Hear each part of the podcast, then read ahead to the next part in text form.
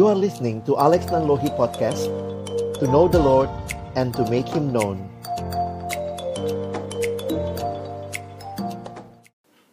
Kami menyerahkan pemberitaan firman-Mu agar kiranya pagi hari ini bukan hanya kami membaca firman-Mu tetapi kiranya firman-Mu membaca hidup kami semua.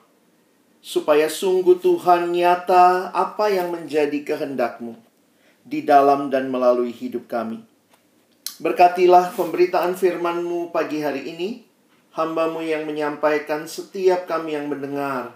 Tuhan tolonglah, berikan kepada kami hati yang siap, seperti tanah yang baik, supaya ketika benih firman-Mu ditaburkan boleh sungguh-sungguh berakar, bertumbuh, dan akhirnya berbuah nyata dalam hidup kami.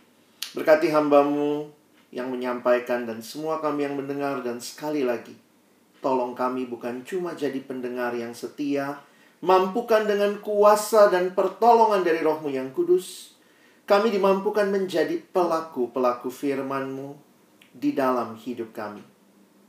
Bersabdalah ya Tuhan, kami sedia mendengarnya dalam nama Tuhan Yesus Kristus. Kami berdoa. Amin. Shalom, selamat pagi teman-teman sekalian di berbagai penjuru tanah air kita. Kita kembali bersyukur di hari yang ini sudah hari yang ketiga. Teman-teman, mungkin banyak kondisi yang juga teman-teman alami. Ada yang frustasi mungkin dengan sinyal, ada yang harus berjuang dengan cuaca yang mungkin cukup ekstrim di tempat teman-teman sehingga mempengaruhi sinyal ini. Kita terus berdoa kepada Tuhan biar Tuhan boleh menolong kita dalam kondisi kita. Kita sama-sama akan tetap bisa menikmati setiap kebenaran firman. Teman-teman yang mungkin merasa sulit dengan gangguan sinyal bisa menonton kembali siaran dari uh, setiap SE ada di YouTube. Kalau merasa mungkin terlalu cepat juga karena waktu terbatas, materi yang banyak, karena itu kita sudah meminta teman-teman terlebih dahulu membaca setiap bagian perikop sehingga sekali lagi kita merindukan dalam camp virtual ini tetap kita bisa menikmati secara maksimal. Pagi hari ini kita masuk di dalam bagian selanjutnya. Ya, tentunya teman-teman ini bagian yang cukup panjang dan saya sangat berharap teman-teman sudah membacanya. Di dalam scripture engagement yang ketiga ini, kita akan melihat tentang murid yang bertekun dan berdampak. Kalau kemarin kita melihat begitu rupa Paulus memberikan panggilan kepada Timotius untuk sungguh-sungguh untuk bertekun dan ini adalah demi apa? Nah, sekali lagi demi untuk menjadi perpanjangan Tuhan, alat kasih karunia Tuhan untuk menjangkau generasi di mana Timotius waktu itu sedang melayani. Secara khusus di kota Efesus. Nah, teman-teman yang dikasihi Tuhan, kita pun ada dalam konteks kita di berbagai tempat, di berbagai kota, di berbagai daerah.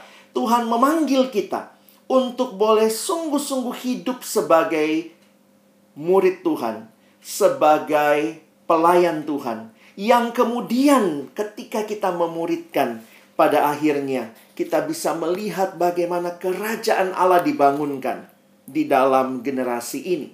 2 Timotius pasal yang ketiga yang menjadi lanjutan dari bagian ini berbicara tentang bagaimana situasi zaman di mana Timotius melayani.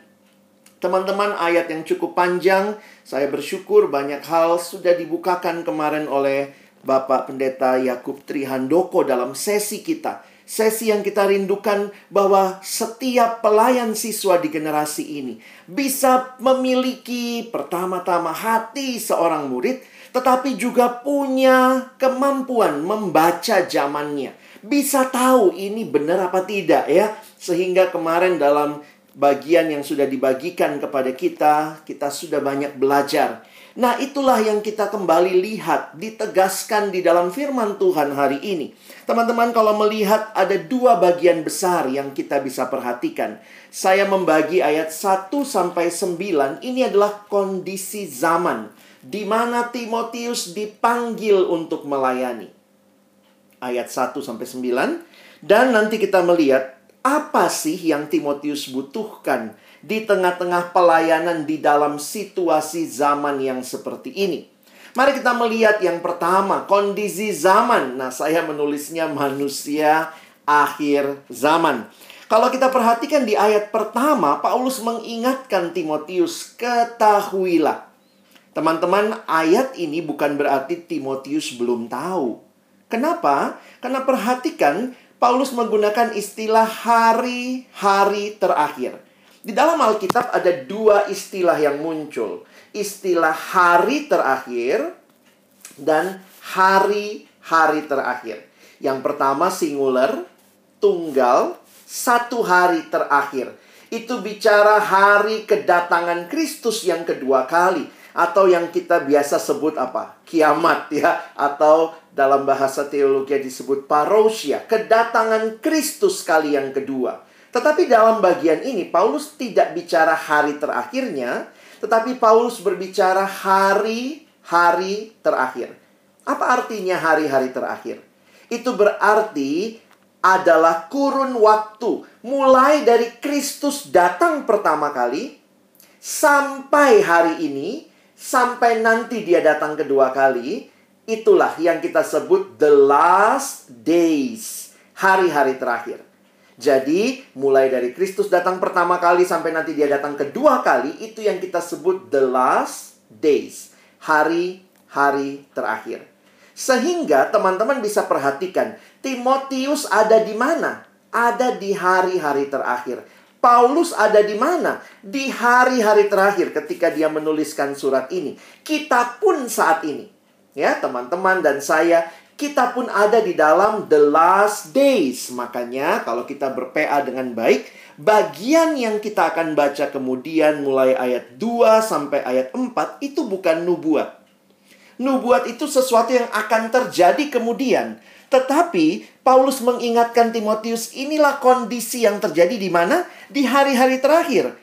Paulus sedang hidup di hari-hari terakhir, Timotius hidup di hari-hari terakhir, kita juga saat ini. Karena Kristus belum datang, kita sedang ada di dalam the last days. Jadi, kenapa saya katakan ini bukannya Paulus ngasih tahu sama Timotius, "Tim, tim, kamu kan belum tahu ya. Ini loh kondisinya." Tidak. Tetapi Paulus justru menegaskan sesuatu yang sudah begitu nampak di zaman Timotius di zaman Paulus dan juga di masa kita sekarang. Dikatakan pada hari-hari terakhir akan datang masa yang sukar.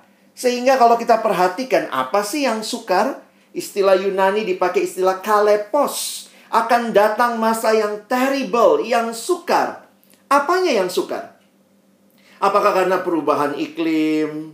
Oh, masalah ekonomi? Oh, masalah COVID? Bukan dengan jelas Paulus menegaskan masalah utamanya adalah pada manusia. Yang sukar adalah manusianya. Teman-teman, apa yang terjadi di masa-masa ini tidak lepas dari peran manusia. Manusia yang sudah jatuh ke dalam dosa. Paulus memberikan 19 ciri manusia akhir zaman. Inilah ciri manusia akhir zaman. Karena itu saya juga minta teman-teman di dalam family group coba masing-masing tambahkan minimal 5 ya. Coba kalian tambahkan karena ini sebenarnya daftar yang terbuka yang Paulus lihat di zamannya ketika dia melayani bersama Timotius. Ini yang dia lihat.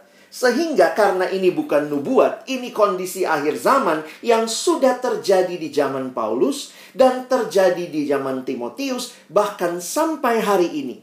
Sebelum Kristus datang, ini juga terjadi di berbagai daerah kota di dalam pelayanan siswa kita. Ada yang semakin nampak manusia akan mencintai dirinya sendiri. Mungkin dulu nggak terlalu kelihatan. Sekarang dengan kehebatan teknologi informasi, media sosial bahkan makin nyata. Jadi kadang-kadang kalau saya pikir ini bukanlah sesuatu yang belum Timotius ketahui. Bahkan ini pun bukan sesuatu yang belum teman-teman dan saya tahu. Bahkan kita bisa menambahkan Mungkin kita tambahkan tawuran siswa kita tambahkan pornografi, kita tambahkan mungkin uh, uh, toxic relationship, ah, hal-hal yang kita bisa melihat. Inilah ciri teman-teman dan saya ada di dalam generasi ini. Jadi ini yang menarik. Engkau yang melayani dan yang kau layani sedang ada di dalam sebuah generasi yang sama sebenarnya di dalam kondisi yang Alkitab katakan the last days. Nah, ciri yang menarik di dalam The Last Days ini, kalau kita pinjam daftarnya Paulus, teman-teman perhatikan. Ini ada 19.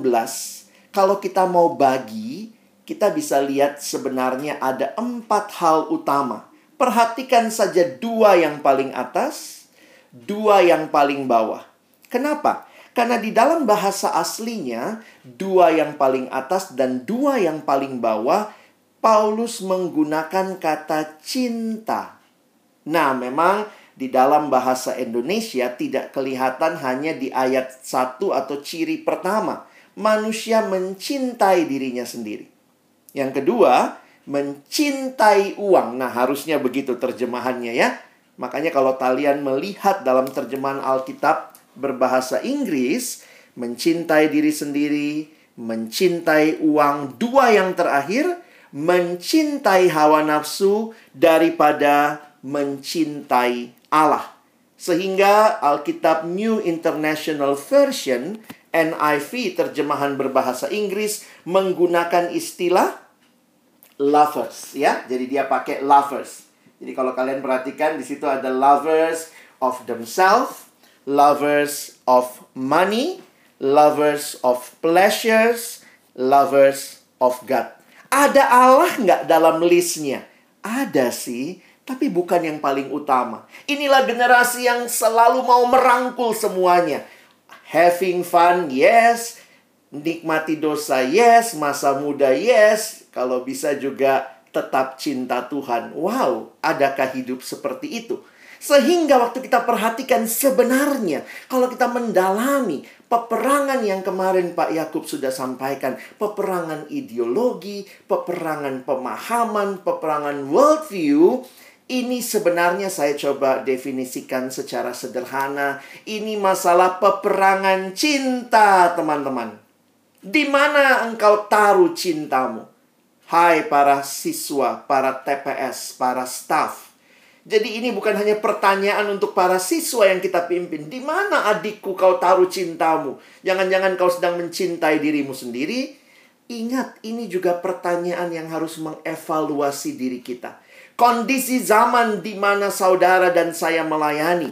Alkitab menggunakan istilah the last days dan ciri-cirinya ada di sini. Teman-teman, pernah saya minta adik-adik siswa coba bikin checklist dari 19 ciri ini. Wah, waktu dia tes, manusia akan cinta diri. Iya sih kak, aku cinta diri. Centang ya menjadi hamba uang. Aduh kak, aku bukan itu. Aku bukan mana uang aja nggak punya gitu ya. Apalagi jadi hamba uang. Membual, bohong. Wah ini mulai masuk ya. Ada bahkan waktu itu anaknya nggak nggak aku nggak gini kak. Aku nggak gini. Ih baik banget anak ini ya. Ketika sampai di nomor yang keenam, akhirnya dia bilang kayaknya aku yang ini deh kak ya. Jadi ternyata cirinya juga ada ya. Termasuk yang Nomor 6 saya pikir semua siswa mungkin akan mengaku bahkan kita yang berkata juga kita pernah dalam hidup ini kita berontak kepada orang tua. Tapi ini masalah apa? Sekali lagi ini masalah pertarungan cinta. Di mana engkau taruh cintamu? Sehingga Paulus dengan jelas mengatakan, ini bukan hanya terjadi di luar gereja. Perhatikan. Karena ini Paulus bilang, secara lahir mereka menjalankan ibadah mereka. Berarti mereka di dalam gereja atau di luar gereja? Ini bukan kondisi di luar gereja, saudara. Ini kondisi di dalam kehidupan, di dalam tubuh Kristus, di dalam kehidupan anak-anak Tuhan. Jadi, hati-hati dengan kemunafikan, superficial, superficialitas. Kelihatannya baik, kelihatannya kudus, kelihatannya taat. Tetapi sebenarnya waktu dicari lebih dalam lagi, jangan-jangan kita sedang mempermainkan kesetiaan Tuhan, mempermainkan kebaikan Tuhan. Karena itu kalau kita perhatikan di ayat 5 bagian terakhir, Paulus mengingatkan bagaimana respon Timotius terhadap situasi itu. Jauhilah mereka itu. Wow, gimana ya teman-teman? Kok Paulus suruh jauhi mereka? Bukankah mereka harus dilayani? Ini yang dimaksud bukanlah menjauhi mereka sebagai pribadi, tetapi menjauhi semua sifat-sifat yang tidak tepat ini. Sebagai pelayan Tuhan ini pun rentan bagi kita. Jangan pikir cuma adik KTBmu yang rentan sama pornografi. Mungkin engkau juga rentan. Informasi kemarin dinyatakan bukannya kita yang cari, malah mencari kita. Itulah zaman sekarang Adik siswa bilang, iya kak, saya nggak klik kebuka loh kak. Saya lagi belajar yang lain, tiba-tiba kebuka. Tahu-tahu ada cewek miskin, maaf ya. Maksudnya ceweknya nggak pakai baju yang baik gitu ya, makanya miskin begitu. Lalu kemudian saya bilang, terus kamu gimana? Ya saya nggak buka kak, dia muncul sendiri. Terus habis itu saya klik, ya ampun gitu ya. Jadi akhirnya inilah realita yang terjadi di dalam dunia di mana kita hidup sekarang. Jauhi hal-hal seperti itu. Kuduskan dirimu engkau dan saya perabot yang mulia. Belum lagi ajaran sesat. Ayat 6 sampai 9 ini sudah kita bahas kemarin. Yang dikatakan oleh Paulus akal mereka bobrok, iman mereka tidak tahan uji, dan kebodohan mereka pun nyata bagi semua orang. Tapi menarik ya, Kenapa pengajaran-pengajaran palsu itu selalu punya daya tarik? Nanti kalau kalian PA kan, kalian bisa melihat ya. Dikatakan mereka menyelundup ke rumah orang, menjerat perempuan-perempuan lemah yang di yang syarat dengan dosa dikuasai berbagai-bagai nafsu. Ini bukan berarti perempuan adalah lebih rentan terhadap pencobaan. Saya pikir sama saja. Manusia kita rentan. Tetapi ayat ini mau mengingatkan betapa ngerinya pada waktu itu yang pria biasanya bekerja di luar rumah, yang perempuan yang tinggal di rumah. Nah, penyesat itu pintar masuk ke yang di rumah. Di masa itu di mana perempuan banyak yang tidak terpelajar, hanya laki-laki yang terpelajar, maka mereka mengajarkan kepalsuan itu. Makanya kalau nanti mau PA lebih lanjut ya, coba teman-teman tanya nih Kenapa ya pengajaran palsu itu menarik bagi orang? Kalau cuma ya Yesus mati dan bangkit udah biasa kak. Coba misalnya Yesus ternyata bisa lakukan sesuatu yang luar biasa. Wah kemudian akhirnya belum tentu itu kebenaran. Kita harus menguji setiap hal. Kemarin kita sudah belajar bagaimana kita tahu pengajaran itu sesat atau palsu. Ya tahu yang benar. Teman-teman, untuk tahu persis yang mana yang asli, kamu harus banyak bergaul dengan yang asli. Sehingga ketika kamu lihat yang palsu, kamu dengar yang palsu, langsung alarmmu berbunyi. Katanya di Amerika agen FBI atau CIA, katanya mereka itu punya training di awal jadi jadi uh, agen gitu ya. Trainingnya apa? Trainingnya sederhana, membedakan uang asli sama uang palsu. Lalu apa yang dilakukan? Ternyata setiap hari mereka dikasih uang asli. Tiga bulan training. Setiap hari pegang uang asli, diterawang, dicium, diraba, diteliti begitu ya. Tiap hari dikasih uang asli. Nah, dalam training sekitar bulan yang memasuki bulan ketiga, diselipin satu uang palsu dari tumpukan uang asli. Jadi kemudian mereka disuruh membedakan dan ketika mereka lihat baru lihat aja udah langsung tahu ini palsu. Belum lagi dipegang, benar palsu diterawang emang palsu gitu ya. Bagaimana bisa? Karena mereka sudah begitu terlatih dengan yang benar. Yang benar itu begitu menjadi sesuatu yang mereka hayati sehingga begitu lihat, begitu dengar, begitu raba langsung tahu wah ini ini nggak benar gitu ya. Kira-kira seperti itu. Nah, saya ingin, ingin kita benar-benar bisa memahami bahwa kita perlu terus belajar kebenaran dan kita harus peka. Nah, banyak hal yang kemarin kita sudah pelajari khususnya. Nah, kemarin kita tidak hanya bicara penyesatan, Pak Yakub banyak bicara isme-isme yang berkembang. Sehingga pertanyaan yang terus menjadi pergumulan saya. Sejauh mana kondisi zaman ini mempengaruhi kita? Kita mesti belajar untuk terbuka di hadapan Tuhan. Evaluasi hidup kita. Jangan-jangan kita juga sudah mulai jadi sekular begitu ya. Nah ini sebenarnya kalau pelajari di Amerika di saat orang memisahkan antara agama dan negara. Oh nggak boleh beragama di ruang publik. Itu kan privat. Masukilah agamamu di ruang pribadi. Karena itu katanya ditutuplah atau dihapuslah doa. Pada waktu zaman dahulu di Amerika SD-SD negeri pun sebelum mulai belajar berdoa. Terjadi sekularisasi nggak keluarkan doa dari ruang publik. Belum lagi nanti ya, ada pragmatisme, ada konsumerisme. Wah, sekarang tuh gampang banget belanja ya, hanya sejauh klik. Hedonisme, pragmatis itu kan yang penting apa gunanya buat saya? Wah, orangnya mikirnya pragmatis ya. Jadi kadang-kadang belum bicara taat, tapi sudah nanya gitu.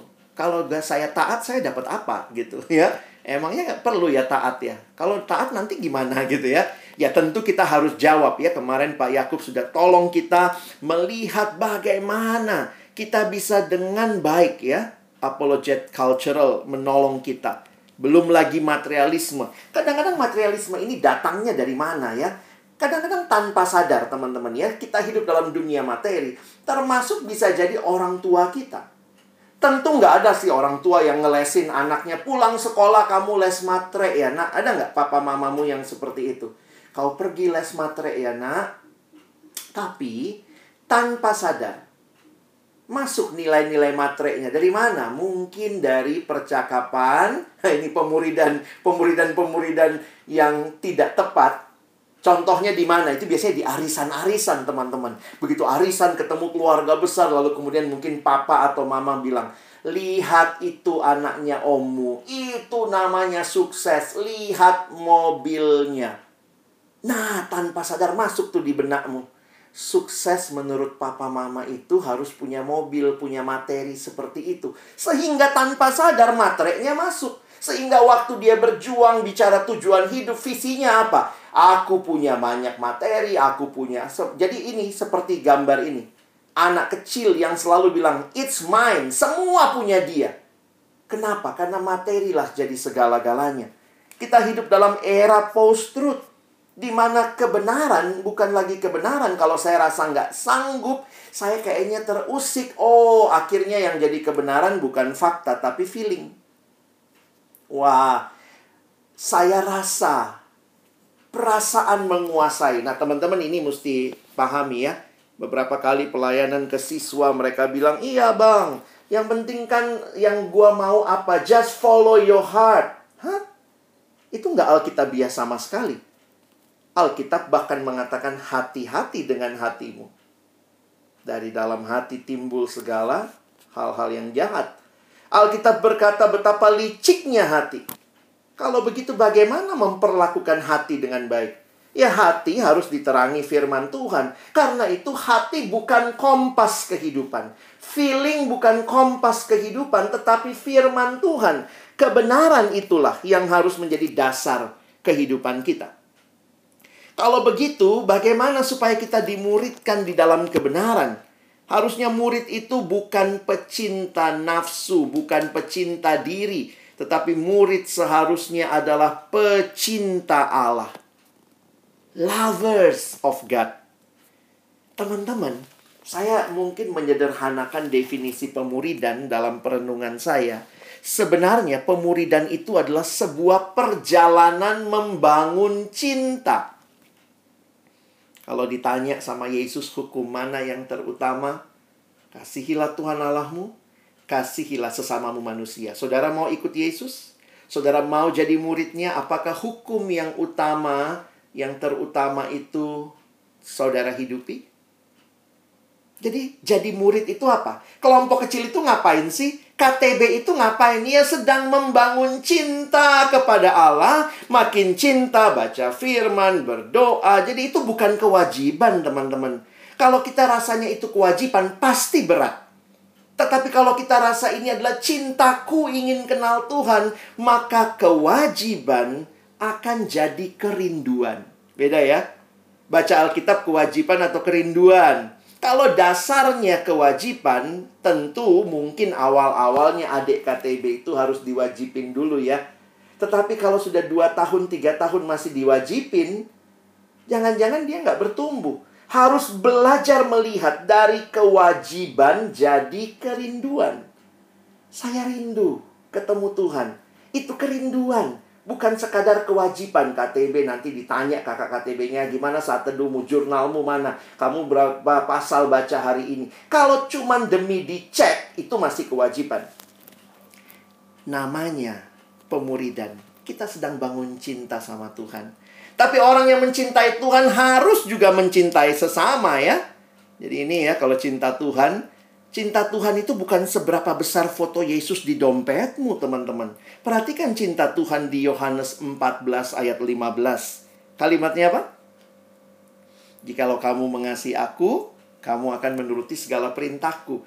Cinta dan kerinduan, ketaatan itu berjalan bersama seharusnya ya. Jadi makin kita cinta Tuhan, kita makin mau taat kepada dia. Jadi ini satu paket dan harus muncul dalam cinta kepada sesama karena Tuhan bilang melalui firman-Nya di 1 Yohanes 4 ayat 11 Rasul Yohanes menuliskan saudara-saudaraku yang kekasih jikalau Allah sedemikian mengasihi kita maka haruslah kita juga saling mengasihi. Jadi ini panggilan kita. Mari mencintai Allah. Kita hidup di dalam ketaatan dan mari mencintai sesama. Kita hidup di dalam kasih kepada sesama. MHB, kalau kalian pakai MHB, kalian pakai buku-buku terbitan perkantas, semuanya itu kok. Kita lagi bangun cinta. Biasanya bab-bab awal, bangun hidup doa, saat teduh, baca firman, berPA, beribadah. Tapi tidak berhenti di situ. Mulai ada bab memberitakan kabar baik. Mulai ada bab bagaimana kita bisa menjadi berkat bagi sesama. Dalam relasi pria wanita ada bab LSD misalnya ya. Lah mulailah kita melihat bagaimana hidup bersama bukan hanya hidup bagi diri sendiri. Jadi kondisi zaman memang begitu mengerikan. Orang cinta diri, cinta nafsu, cinta uang. Tetapi murid harusnya cinta Tuhan dan cinta sesama. Di tengah kondisi zaman yang tidak sedang membangun hidup murid, tapi Timotius diminta jadi murid, maka Timotius butuh apa? Teman-teman, bagaimana membangun generasi ini? Itu berarti membangun hidupmu, membangun adik-adik yang kamu layani. Apa yang kita butuhkan, seperti yang Timotius butuhkan, untuk membangun cinta kepada Tuhan dan membangun cinta kepada sesama. Tiga hal. Teman-teman bisa lihat. Pentingnya kita punya komunitas, pentingnya kitab suci, dan pentingnya engkau dan saya punya identitas. Pak Yakub sudah banyak membahas kemarin soal pemuridan intensional dan relasional. Itu yang saya maksud dengan komunitas. Besok kita akan perdalam tentang komunitas. Ayat 10 dan 11 perhatikan. Paulus mengatakan ya kepada Timotius, tetapi engkau telah mengikuti ajaranku. Ada tujuh ku di situ. Ajaranku, cara hidupku, pendirianku, imanku, kesabaranku, kasihku, dan ketekunanku. Bahkan Paulus pernah mengajak Timotius pelayanan bersama. Jadi wah relasinya deket nih ya. Engkau telah ikut menderita penganiayaan dan sengsara seperti yang telah kuderita di, di Antioquia dan di Iconium dan di Listra. Semua penganiayaan itu kuderita dan Tuhan telah melepaskan aku daripadanya. Paulus bukan hanya khotbahin Timotius ikut menderita, tapi dia pernah ngajak Timotius tanda kutip ya dalam pelayanan bersama, lihat aku tim, aku sudah alami ini semua. Teman-teman pemuridan itu sebuah komunitas yang di dalamnya kehidupan iman tuh nggak cukup cuma dibicarakan. Harus terjadi transfer pemahaman, ada teladan, ada pengalaman iman, ada interaksi yang utuh. Secara sederhana, kalau dunia begitu kuat menarik murid-murid jauh dari Tuhan, maka harusnya dalam kekristenan ada komunitas yang menarik mereka dekat dengan Tuhan. Jadi bagaimana melawan dunia yang begitu bobrok ini? Ya pemuridan. Supaya dia nggak ke sana, ya dia harus ke sini. Kalau dia ke sini, bagaimana caranya? Kita jadi komunitas yang bukan hanya peduli waktu mau KTB. Tetapi di luar KTB, apakah kita juga punya hati buat orang kita muridkan? Terjadi transfer yang dalam. Semua sudah diingatkan kemarin. Teman-teman kita butuh hal seperti ini. Bertahan di generasi ini membangun cinta kepada Allah. Membangun cinta kepada sesama kita butuh komunitas yang sama-sama lagi bangun cinta kepada Tuhan yang sedang berjuang untuk rutin saat teduh, teman KTB kita, adik-adik kelompok kita yang sedang berjuang sama-sama tinggalin pornografi. Yes, kita mau bangun cinta bukan pada porno tapi pada Tuhan. Jangan ikut sana. Kalau sana kelompoknya saling tukeran video porno, ikut sini. Kita berjuang untuk cinta Tuhan bukan cinta pornografi. Kita butuh komunitas tapi juga kita butuh yang kedua. Kita butuh kitab suci, teman-teman. Wah, mungkin ini yang kita sering kali lupa bahwa kita tidak hanya butuh hal-hal yang yang apa ya kalau saya katakan sering kali kita lupa diri bahwa yang kita butuhkan juga adalah kekuatan dari Tuhan yang Dia berikan melalui kitab suci. Firmanmu itu pelita bagi kakiku terang bagi jalanku. Itu saja sudah menyiratkan kita ada dalam dunia yang gelap. Dunia yang gelap, engkau dan saya mungkin tersandung, tetapi jadikanlah firman Tuhan. Pelita bagi kakimu, terang bagi jalanmu. Timotius sejak kecil telah mendengar dan juga memahami firman Tuhan. Ingatlah juga dari kecil engkau sudah mengenal kitab suci yang dapat memberikan menuntun engkau. Ada manfaat kitab suci yang ditulis di ayat 16. Segala tulisan yang diilhamkan Allah, lihat tujuannya. Mengajar manfaatnya, menyatakan kesalahan, memperbaiki kelakuan dan mendidik orang dalam kebenaran. Kita butuh kitab suci teman-teman ya. Untuk menolong kita hidup di dalam Tuhan. Kita mau bangun cinta, bukan mirip dunia. Saya mau jadi murid yang sungguh-sungguh, tapi kemudian berdampak. Jadikan firman Tuhan yang akan mengajar engkau, menyatakan kesalahanmu, memperbaiki kelakuan, dan mendidik dalam kebenaran. Seorang adik siswa dalam satu KTB pernah bilang sama saya, Males aku baca Alkitab ke Alex. Kenapa? Karena kayaknya semua tentang aku gitu ya. Jadi dia malesnya karena tiap kali baca kayaknya tentang aku nih, kayaknya tentang aku ya. Saya bilang, wah firman Tuhan berfungsi tuh ya. Bermanfaat. Untuk menyatakan untuk dirimu. Iya kak, makin aku baca, aduh aku nggak kayak gini. Itu menyatakan apa yang seharusnya terjadi. Dengan apakah seorang muda mempertahankan kelakuannya bersih? Dengan menjaganya sesuai dengan firmanmu dalam satu seminar di gereja yang pernah saya pimpin. Seminarnya judulnya ini ya. Mengatasi penggunaan gadget terlalu dini kepada anak usia SD ya. Jadi itu seminar orang tua sebenarnya ya. Jadi dalam seminar itu dibukakan ya bahwa sebenarnya hati-hati tuh gadget ini kan banyak orang tua sekarang nggak ngerti ya jadi kemudian diingatkan sama orang tua hati-hati dengan gadget segala macam. Lalu kemudian ada beberapa pembicara lalu semua kasih tips and trick. Nah waktu tanya jawab saya pas uh, diminta menjawab satu pertanyaan. Pertanyaannya gini, bagaimana Pak? Saya justru kasih gadget sama anak saya supaya dia nggak main ke warnet. Sekarang jadinya dia di rumah tapi kalau dengar seminar hari ini, aduh katanya bahaya banget ya dia bisa akses pornografi pornografi di HP-nya, dia bisa lakukan, aduh Pak, bagaimana kami orang tua? Apa saya harus ambil HP-nya? Wah, itu perang dunia ketiga saya bilang ya. Jadi bagaimana Pak? Wah saya kasih tips and trick lah ya. Ya kalau beliin laptop buat anak apalagi SD taruhnya di ruang keluarga. Nggak boleh di dalam kamar masih terlalu kecil untuk punya tanggung jawab. Ntar dia buka yang lain taruh di ruang keluarga. Tapi gimana Pak? Anak-anak sekarang kan pintar juga untuk bikin ini. Jadi menurut Bapak bagaimana? Anak sekarang kan pintar minimize ya. Jadi kalau orang tuanya lewat langsung minimize gitu. Jadi kemudian saya bilang, ya mungkin kita juga belajarlah sedikit tentang komputer, tahu bagaimana ngecek history dan segala macam. Terus akhirnya saya terus dicecer. Tapi Pak, kalau anaknya nanti begini, saya kasih tips lagi. Tapi kalau anaknya nanti begini, saya pikir lama-lama anak-anakmu kok gue yang pusing ya. Jadi saya terus kasih tips gitu ya. Sampai akhirnya saya diingatkan Tuhan, stop kasih tips. kasih firman Tuhan aja. Akhirnya saya bilang begini, Ibu, bapak-bapak, ibu-ibu, orang tua yang lain masih mengajak anak baca firman Tuhan nggak setiap hari? Wah, semua terdiam.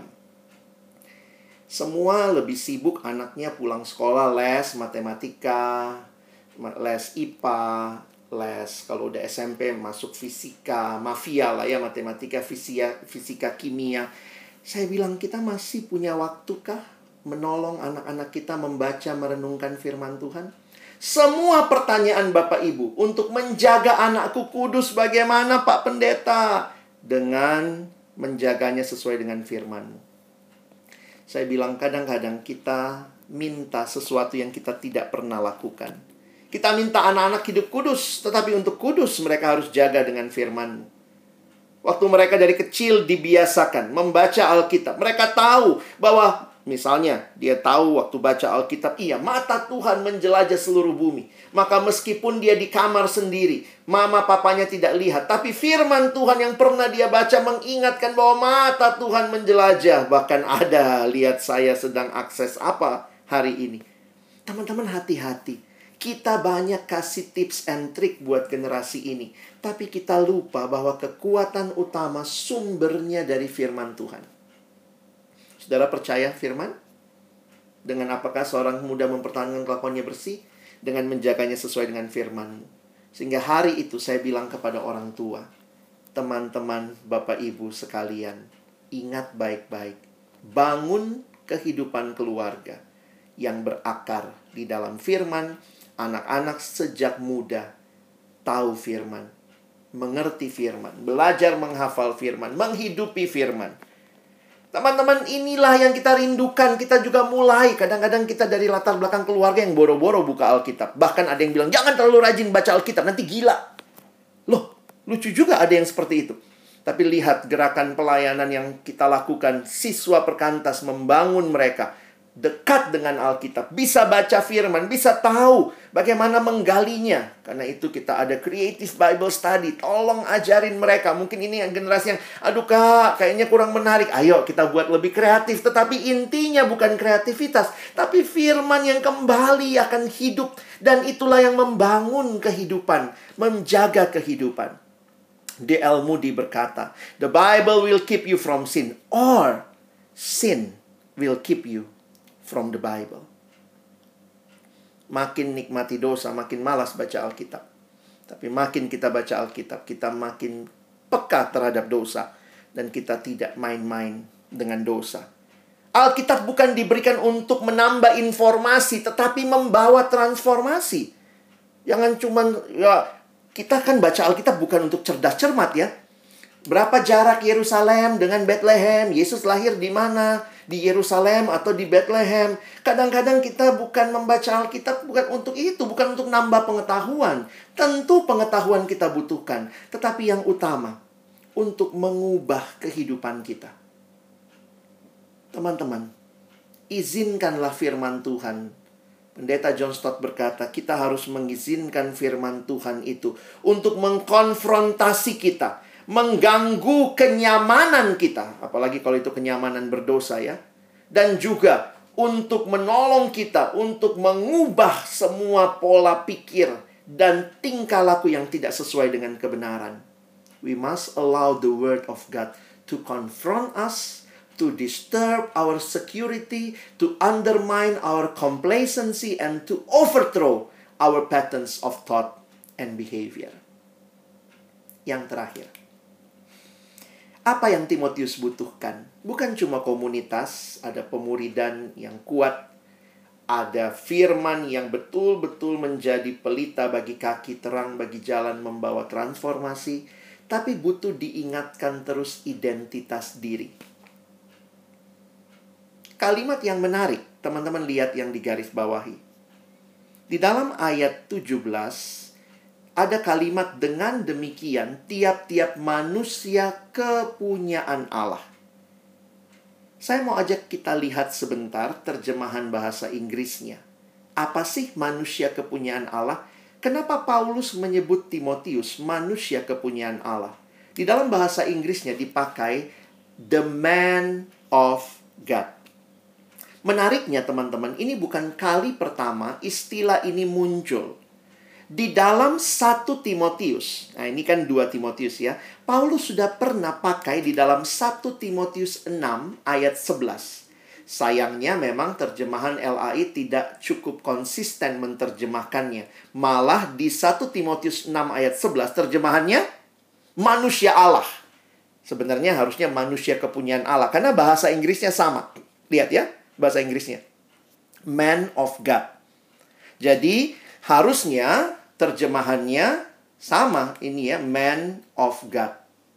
Manusia kepunyaan Allah, manusia Allah. Menarik juga teman-teman. Di tengah-tengah dunia yang kayaknya menarik orang untuk jauh dari Tuhan, Paulus bilang sama Timotius, "Tetapi engkau manusia kepunyaan Allah. Kamu bukan milik dunia, Tim." Teman-teman kita butuh meyakinkan terus diri kita, adik-adik siswa kita akan identitas ini yang kita miliki. Kita itu miliknya Tuhan. Kita bukan milik generasi dengan budaya-budaya yang salah. Kita bukan sekadar sekarang labelnya banyak ya anak milenial. Lalu kemudian anak milenial memang susah konsentrasi, nggak suka ini, nggak suka ini. Lalu kita bilang ya aku anak milenial. Saudara dan saya kita anak-anak Tuhan, manusia kepunyaan Allah, miliki identitas ini. Ketika engkau berjalan ke depan, layani generasi ini, mereka milik Allah.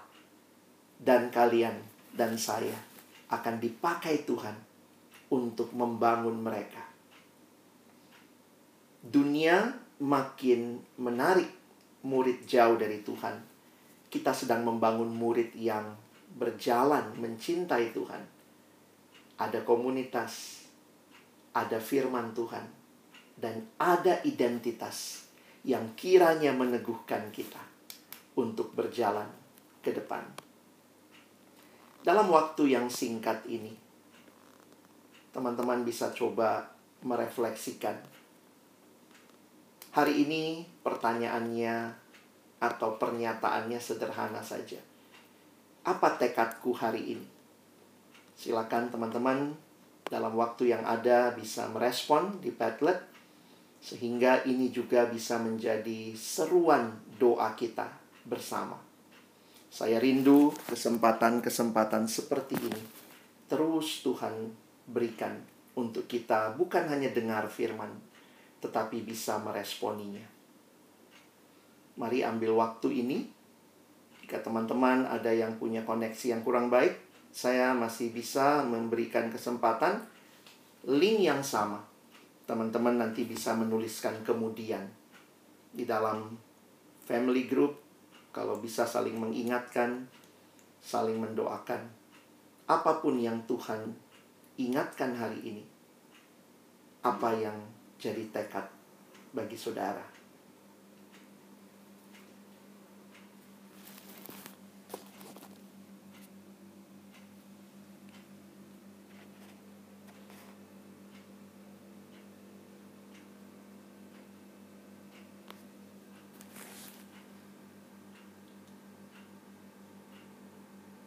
Sambil teman-teman yang mungkin masih mengetik, silahkan lanjutkan. Tetapi dengan sikap hati yang berdoa, saya akan tutup sesi ini. Tuhan, terima kasih untuk firman-Mu. Terima kasih karena Engkau Allah yang mengasihi kami. Dan Allah yang merindukan kami juga terus mengasihimu dan mengasihi sesama. Kami melayani generasi yang kehilangan cinta kepada Allah dan sedang sibuk mencintai diri, mencintai nafsu, mencintai uang. Kami takut melayani generasi ini karena kami pun tidak lebih baik dari generasi ini, Tuhan. Tapi kami bersyukur karena Tuhan berikan komunitas. Kami bersyukur karena Tuhan berikan firman. Dan kami bersyukur karena Tuhan menyatakan identitas kami yang sesungguhnya di dalam Engkau. Tolonglah, dengan semua ini kami boleh hadir jadi murid yang bukan hanya bertekun, tetapi berdampak membangun generasi ini bagi kemuliaan Tuhan. Terima kasih. Kami bersyukur menutup SE pagi ini dalam nama Yesus kami berdoa. Amin.